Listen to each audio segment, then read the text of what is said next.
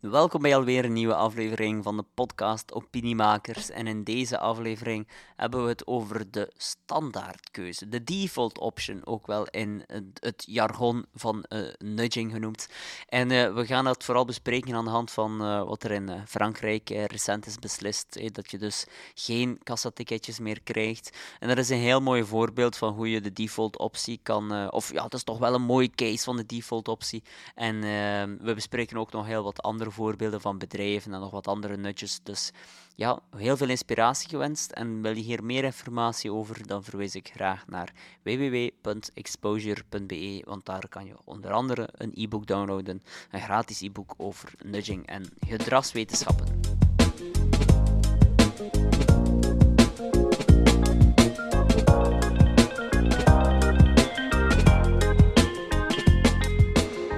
Dag Reinoud. Dag ehm, Kevin een paar dagen geleden zag ik op, uh, ja, op de website van VRT een artikel online staan over uh, dat ze in Frankrijk ja, geen facturen meer geven of geen kastticketjes meer geven. Ik weet niet of je dat ook gezien hebt. Uiteraard, we hebben er zelf een LinkedIn-bericht over ja, gemaakt. Inderdaad. maar uh, ja, dus in, in Frankrijk is nu voortaan wat we dan noemen in de, in de gedrags, gedragswetenschappen, hè, wat we uh, dan de default option noemen. Hè. Dus per default is er vandaag in Frankrijk uh, geen papieren ticketje meer bij de Albert Heijn bijvoorbeeld. Hè. Dus je kent het wel, het ticketje. En uh, daar is nu default, dus dat je het niet krijgt. Hè. Dat je dus, uh, want default option, in Nederlands in ons boek, hè, Nudging en Overtuigen hebben we dat genoemd als de standaardkeuze. Dat is ook mm -hmm. de, de, meest hangbare vertaling. Dus de standaard vandaag is dat je geen ticketje krijgt, in tegenstelling tot vroeger dat je standaard wel een ticketje kreeg. In Frankrijk nu? In Frankrijk, inderdaad. En, en, waarom? Eh, uiteraard vanwege een ecologisch uh, principe. Want als, uh, bijvoorbeeld, als je bijvoorbeeld weet dat ongeveer uit mijn hoofd, Kevin, 30 miljard zijn, 30 miljard... Uh, 30 miljard bonnetjes. Ja, ja, 30 miljard bonnetjes en zoveel ton papier. 150.000 ton. 150.000 kilo of 150.000 ton? 150.000 ton. Wow, dat is nog meer dan ik dacht. Dus is dat eigenlijk wel een, ingreep die een gigantische impact kan hebben. Uh, waarschijnlijk niet voor de papiersector. Dat zal waarschijnlijk uh, economisch voor hen niet zo, niet zo goed zijn. En voor alle bedrijven die daarin gespecialiseerd zijn. Maar uh, puur ecologisch is natuurlijk een beslissing die een gigantische impact heeft. En daarbij moesten wij denken aan ja, wat wij weten over de default option. En laten we eerlijk zijn, dat is iets dat we bijvoorbeeld in onze workshops al meermaals hebben benadrukt en daar zelf ook een paar cases over hebben. Hè. Maar misschien moeten we starten, Kevin, met eh, even uh, ja, uitleggen wat nu de, de default option is en waarom nudging daarin uh, een rol speelt. Ja, ja de, de default option is eigenlijk ja, iets aanbieden als standaard optie om het gewoon gemakkelijker te maken voor de mensen dat, eh, dat je eigenlijk alle barrières wegneemt door gewoon de gewenst, het gewenste gedrag als standaard optie ja, aan te bieden. Ja, en in principe kun je, kun je daar zelf nog ja, twee, twee niveaus in onderverdelen. Je hebt, een, je hebt een mogelijkheid om een standaardkeuze voor te stellen, maar zoals zij in Frankrijk hebben gedaan, hebben ze de standaardkeuze gewoon verplicht gemaakt. Dus uh, bij default uh, ben, ben je het niet, of krijg je het niet. Maar, en dat is eigen aan nudging, hè, een van de belangrijke parameters of een belangrijk element bij nudging is dat er nog steeds keuzevrijheid moet zijn. Je hebt nog steeds de keuzevrijheid om wel een bonnetje te krijgen, eventueel per mail eh, of op een andere manier. Dus je hebt nog wel, het is niet dat de bonnetjes worden afgeschaft, dat je geen bonnetje meer krijgt. Nee, maar de default, de standaard is dat je dus geen bonnetje meer meekrijgt. Dus eigenlijk ja, vandaag is dat denk ik wel een goede keuze. Want misschien heb je dat zelf ook wel, Kevin, maar dat is toch bij mij heel vaak dat ze dan vragen: moet je bonnetje hebben? En dan zeg je eigenlijk: oh, nee, nee, laat maar. En wat doen ze dan? Is het, het wordt afgedrukt en het wordt gewoon weggegooid. ja, dus dat is eigenlijk gewoon ja, letterlijk gewoon afgedrukt om in de vuilbak ja. uh, te gooien. Zou het gewoon meepakken om er nog een vliegtuig van te vouwen dat toch nog ja, niet dan, uh, dat is dan weer uh, op zijn Kevins. Ja. nee, maar ik, ik, heb, ik weet ook dat ze bij AZ Venture bijvoorbeeld, dat ze daar ook geen geen ticketjes meer geven en dat ze gewoon alles rechtstreeks naar de mail sturen. Als je daar iets gaat kopen. Ja, er is uh, ja, verschillende bedrijven, daar kunnen we straks misschien wel nog op terugkeren. We hebben daar wel, wel nog andere cases in.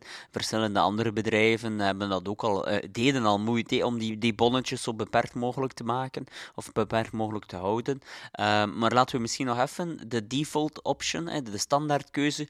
Um, ja, ik denk dat toch een van de bekendste voorbeelden de, ja, de default met de orgaandonatie is. Hè. Misschien moet je dat even uitleggen, Kevin. Um, ik weet niet meer waar het juist was. Niet zo vooruit, het is over heel Europa. Ah, Europa, ja, ja, inderdaad. Ja, dat eigenlijk dus de default optie um, ja, gemaakt hebben dat mensen standaard orgaandonor zijn, in plaats van dat ze het moeten aanvinken ergens of moeten opge zichzelf moeten opgeven als donor. Ja, want bijvoorbeeld in, in landen als België um, ik weet niet, ik ben aan het twijfelen, Nederland, maar denk niet Nederland, maar nu ondertussen wel. Maar destijds met, die, met het onderzoek uh, hadden ze dus uh, vergeleken hoeveel mensen bereid waren om hun organen te doneren. Um, bij wanneer er een default optie opt-in of opt-out was. Het is een beetje technisch, maar we gaan het wat uh, zo goed mogelijk proberen uit te leggen. Dus in, in België moet is de default, je bent wel ja, bereid, je bent standaard orga orgaandonor. Dus uh, je bent dat standaard. En je hebt de keuzevrijheid om dat altijd te veranderen. Dus je kan het altijd veranderen. Het is niet verplicht. Het is niet verplicht. De standaardoptie is dat je het wel bent en je hebt de vrijheid om het te veranderen. In Duitsland bijvoorbeeld is de default opt-in. Dus in België is het een opt-out. Dus opt-out wil zeggen, je moet moeite doen om het oud, om oud te zijn, dus om het niet te willen. En in, in, uh, in Duitsland eh, opt-in, dus je moet moeite doen om het wel te willen. Je moet je inschrijven. En dat is eigenlijk het verschil. En als we dan, en dat is wat die studie aantoonde, dus die studie over, heel Euro over verschillende Europese landen, zag je daar duidelijk dat het verschil tussen de landen waar het een opt-out is, zowel, uh, zoals België dus, de landen waar mensen moeten aangeven dat ze het niet willen. En beide, in beide situaties heb je altijd de keuzevrijheid. Maar in de landen waar, ze het niet, uh, waar je dus moeite moet doen om het niet te willen, was denk ik de gemiddelde ratio iets, tussen, iets rond de 95%, zo, zo echt tussen de 90 en de 100%. En bij de landen waar het een opt-in was, dus dat je moeite moest doen om, het, om wel orgaandonor te zijn, dan, was het, ja, dan varieerde het wel te, van land tot land, maar het was eigenlijk uh, niet, niet hoger gemiddeld dan 20 procent. Dat is een gigantisch verschil, terwijl in beide situaties elke persoon, elk individu, individu altijd de keuzevrijheid heeft, maar in het ene land moet je moeite doen om het wel te willen, en in het andere land moeite doen om het niet te willen. En wil dat dan niet zeggen ja, over het karakter van, van Belgen versus Duitsers? Ja, ik denk dat er zeker een ander karakter is, maar het is nu niet zo dat, dat die landen waar het dan opt-in was, hè, dus dat je moet aangeven om het wel te willen, nu minder mens, menselijker, minder mensen, ja, mensen zijn, menselijker zijn, menselijker, ja, ja. zo, voilà. Uh, minder uh, anderen willen helpen dan bijvoorbeeld in België. Nee, het heeft vooral te maken, en dat is dus wat in nudging, de, of waarom de default option zo'n paradepaardje is van nudging. Het heeft vooral te maken met, met, met de moeite dat mensen doen. Hè. Dus mensen uh, houden van de status quo, en dat heet ook wel de status quo bias. En mensen gaan veel meer houden dan wat er is. En alles wat dat extra moeite kost, heeft minder kans om gekozen te worden. En puur en alleen omdat mensen die moeite moeten doen om het te willen, want de meeste mensen willen het, hè, willen, dat doen als er iets gebeurt met hen, dat er nog iemand anders uh, er, ja, iets aan heeft, om het zo cru te zeggen. Um, dus de meeste mensen willen dat, maar het is gewoon het feit dat die moeite moet gedaan worden dat het niet gebeurt. En dus hier hebben ze het gewoon omgedraaid in die, in die verschillende landen. Net zoals wat nu in Frankrijk gebeurt. Ja, de meeste mensen willen waarschijnlijk ook niet dat bonnetje. En nu ga je voortaan moeite moeten doen. En uh, uh, is de status quo dus geen bonnetje. Ja, is het dan die standaardoptie, is het dan iets dat vooral uitgaat van, van overheden en zo? Ja, in, in principe is natuurlijk de grootste impact wel vanuit een overheidscontext. Want als een land als Frankrijk dat beslist, dan heeft dat, eh, dus zoals ze zegt, 30.000, of nee, 30 was het? Uh, 30 miljard. ton. ja, uh, 30 miljard bonnetjes. Dus dat is een gigantische impact wanneer een overheid dit beslist. Dus laten we zeggen, het meest impactvolle is zeker vanuit een overheidscontext. Maar het is niet enkel dat overheden dit doen.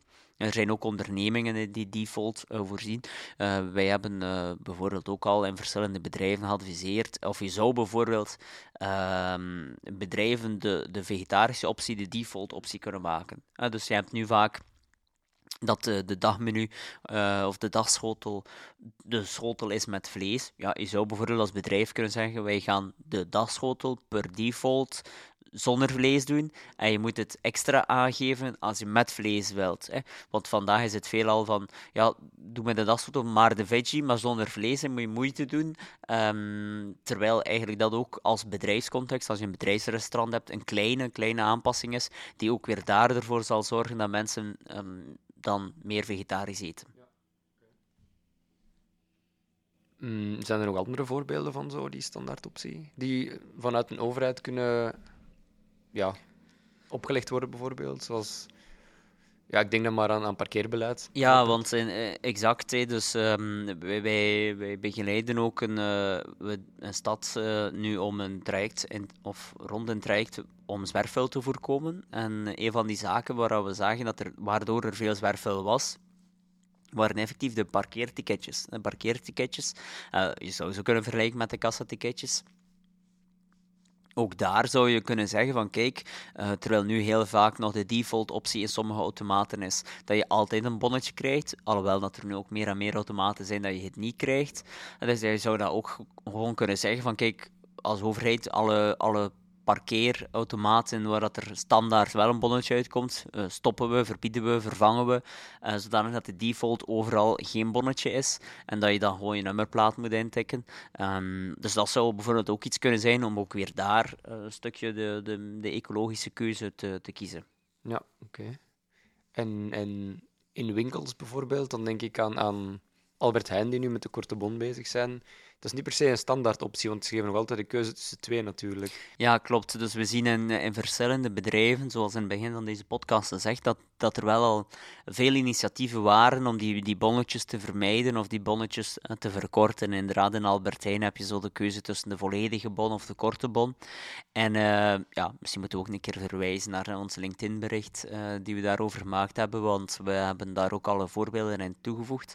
Maar dat is eigenlijk geen geen default optie, omdat uh, je nog altijd de keuze moest maken tussen de twee. Dus de default, ja, er was geen default, er was gewoon een keuze. Uh, maar wat ze wel hadden gedaan, uh, ze hadden wel een andere nudge gebruikt, de korte bon, om de korte bon te kiezen. En dat heet, of, die heet de, de salient nudge. En die, eh, voor mensen die soms naar Albertijn gaan, die gaan wel weten waarover het gaat. Dus dan heb je een keuze tussen de volledige bon, korte bon. En de korte bon is in het donkerblauw. En de volledige bon is, in het, ja, is gewoon licht, licht grijs. Dus ze hebben eigenlijk de korte bon, de knop, de call to action in, uh, van de korte bon, meer opvallender gemaakt. Donker, donker, in een donkerblauwe kleur, zodat het meer opvalt. In het Nederlands noemen wij die salient nudge ook wel de opvallendheidsnudge. En dus je maakt die meer zichtbaar, meer opvallend. En doordat die meer eruit springt dan de andere keuze, gaan mensen ook meer kiezen voor de, voor de in dit geval de, de korte bon. Nu, um, je zou bijvoorbeeld, even nu meedenken hè, met Albertijn, zou je bijvoorbeeld ook wel kunnen een aftelklok gebruiken, waarbij je bijvoorbeeld zegt van kijk, er wordt een korte bon geprint. Um, maar je hebt 10 seconden om uh, hieronder een alternatief, uh, de volledige bondtocht te kiezen. En dat zou je bijvoorbeeld wel kunnen doen om per default dat toch, een, ja, om toch veel meer het gevoel van die korte bon is de default. Er wordt standaard over uh, binnen 10 seconden een korte bon geprint, of over 5 seconden of 3 seconden. En, maar je kan altijd uh, veranderen door hieronder aan te klikken. Dat is nog niet 100% uh, de default optie. Een volledige default optie zou zijn dat je geen bonnetje krijgt, maar dat je bijvoorbeeld naar de, het onthaal moet gaan om je volledige bon te krijgen. Dat zou bijvoorbeeld ook kunnen, maar dat is natuurlijk dan organisatorisch wel wat, wat veel werk voor, uh, voor een Albertijn. Dus ik denk dat de aftelklok misschien een beter alternatief zou zijn, tenzij ook hier in België wordt We gaan met die aftelklok mensen dan die nog meer geneigd zijn om op de korte bon te klikken, Omdat ze dan Ja. onder stress staan. En Dat is waar. Dat is een, Onbewust. Dat is een goede hypothese, ja. Ehm, dat, ehm, dat is een potentieel risico, de schaarste die ervoor zorgt van ik ga er toch voor kiezen. Ehm, ja, dat is een goede aanvulling. Dat, ehm, dat is iets eh, dus voor beide wat te zeggen en het zou moeten getest worden. Dat is makkelijk te testen in zoiets. Je test het gewoon in één maand in één, in één winkel of in twee of drie winkels. eh, en dan vergelijk je gewoon wat was de return on investments, eh, wel- welke keuze was de beste keuze. Dus het is eigenlijk makkelijk en eh, misschien wel een heel leuk experiment om te doen. Maar eh, misschien nog even terugkeren op die salient nudge, want ehm, ik had ook eens in een decathlon, ehm, ja, we doen hier nu wel een beetje aan naming en in dit geval ook een klein beetje aan shaming, alhoewel dat decathlon heel veel doet eh, voor ecologische keuze, dus het is zeker eh, niet slecht bedoeld. Maar ehm, daar hadden we ook bij de, bij de, ja, de kassas aan decathlon, dat zijn ook zelfscanners, heel veel nu hadden we ook dus die optie gezien. Wil je het, eh, wil je het volledige ticket of wil je, eh, nee, wil je het ticket per factuur of per mail, voor alle duidelijkheid, of wil je het afgedrukt krijgen? En daar, eh, dat is eigenlijk een voorbeeldje van hoe dat je het niet moet doen. Omdat je natuurlijk, een, eerst en vooral, ehm designtechnisch was er geen salient nudge toegepast. Was, er was geen visueel verschil tussen de twee, waardoor je niet echt kon, kon oordelen van wat, is nu, wat valt het meest op. Hè. Dus, en dat lijkt dan de juiste keuze wel te zijn. Dus dat was er al niet. Plus, als je dan de, eh, aan, of of aantikte om die per mail te krijgen, dan moest je nog een keer je mailadres opgeven. Je hebt net betaald, je hebt al lang in de rij staan. Dan moet je dus extra moeite doen. En we weten wat dat extra moeite doet, kost zal minder gekozen worden. nog eens een extra tussenstap. Ja, dus dat was eigenlijk niet goed. Want dan heeft bijvoorbeeld Mediamarkt dat beter gedaan. En zij hebben bijvoorbeeld eerst de vraag van, kijk, geef je mailadres. En dan pas eh, gevraagd van, op welke manier wil je je bon? Wil je die afgedrukt krijgen? Of wil je die, ehm, moet je die niet afgedrukt krijgen, want, en dat stond er ook letterlijk bij, ze wordt sowieso naar je mailadres gestuurd. Dus dat was beter, omdat je eerst verplicht je mailadres moet geven, en dan pas de vraag krijgt. En niet eerst de vraag krijgt en dan je mailadres moet geven. Uh, dus dat is iets, iets beter, omdat het ook weer vereenvoudigt... Allee, het is niet vereenvoudigd, want je hebt het al verplicht moeten doen, maar de, op het moment dat je de keuze moet maken, is in Mediamarkt-case geen moeite meer om geen bonnetje te vragen, terwijl in Decathlon er wel nog extra moeite moest gedaan worden om geen bonnetje te krijgen. Alright, oké. Als er mensen van Decathlon aan het luisteren zijn, uh, ja, voilà, kijk. Goeie tips. En anders uh, iets laten weten per mail, ja. dan weten we ook dat er iets mee gebeurt. Alright, nee, bedankt Reinhard voor deze uiteenzetting en uh, tot de volgende. Ciao.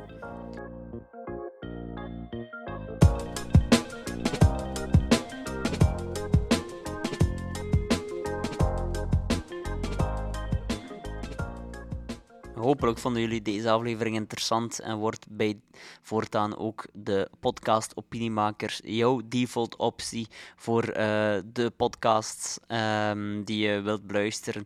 En wil je hier meer informatie, dan verwijs ik uiteraard graag naar www.exposure.be of aarzel niet om ons te contacteren en uh, misschien wel ideetjes, tips of feedback te bezorgen. Tot de volgende.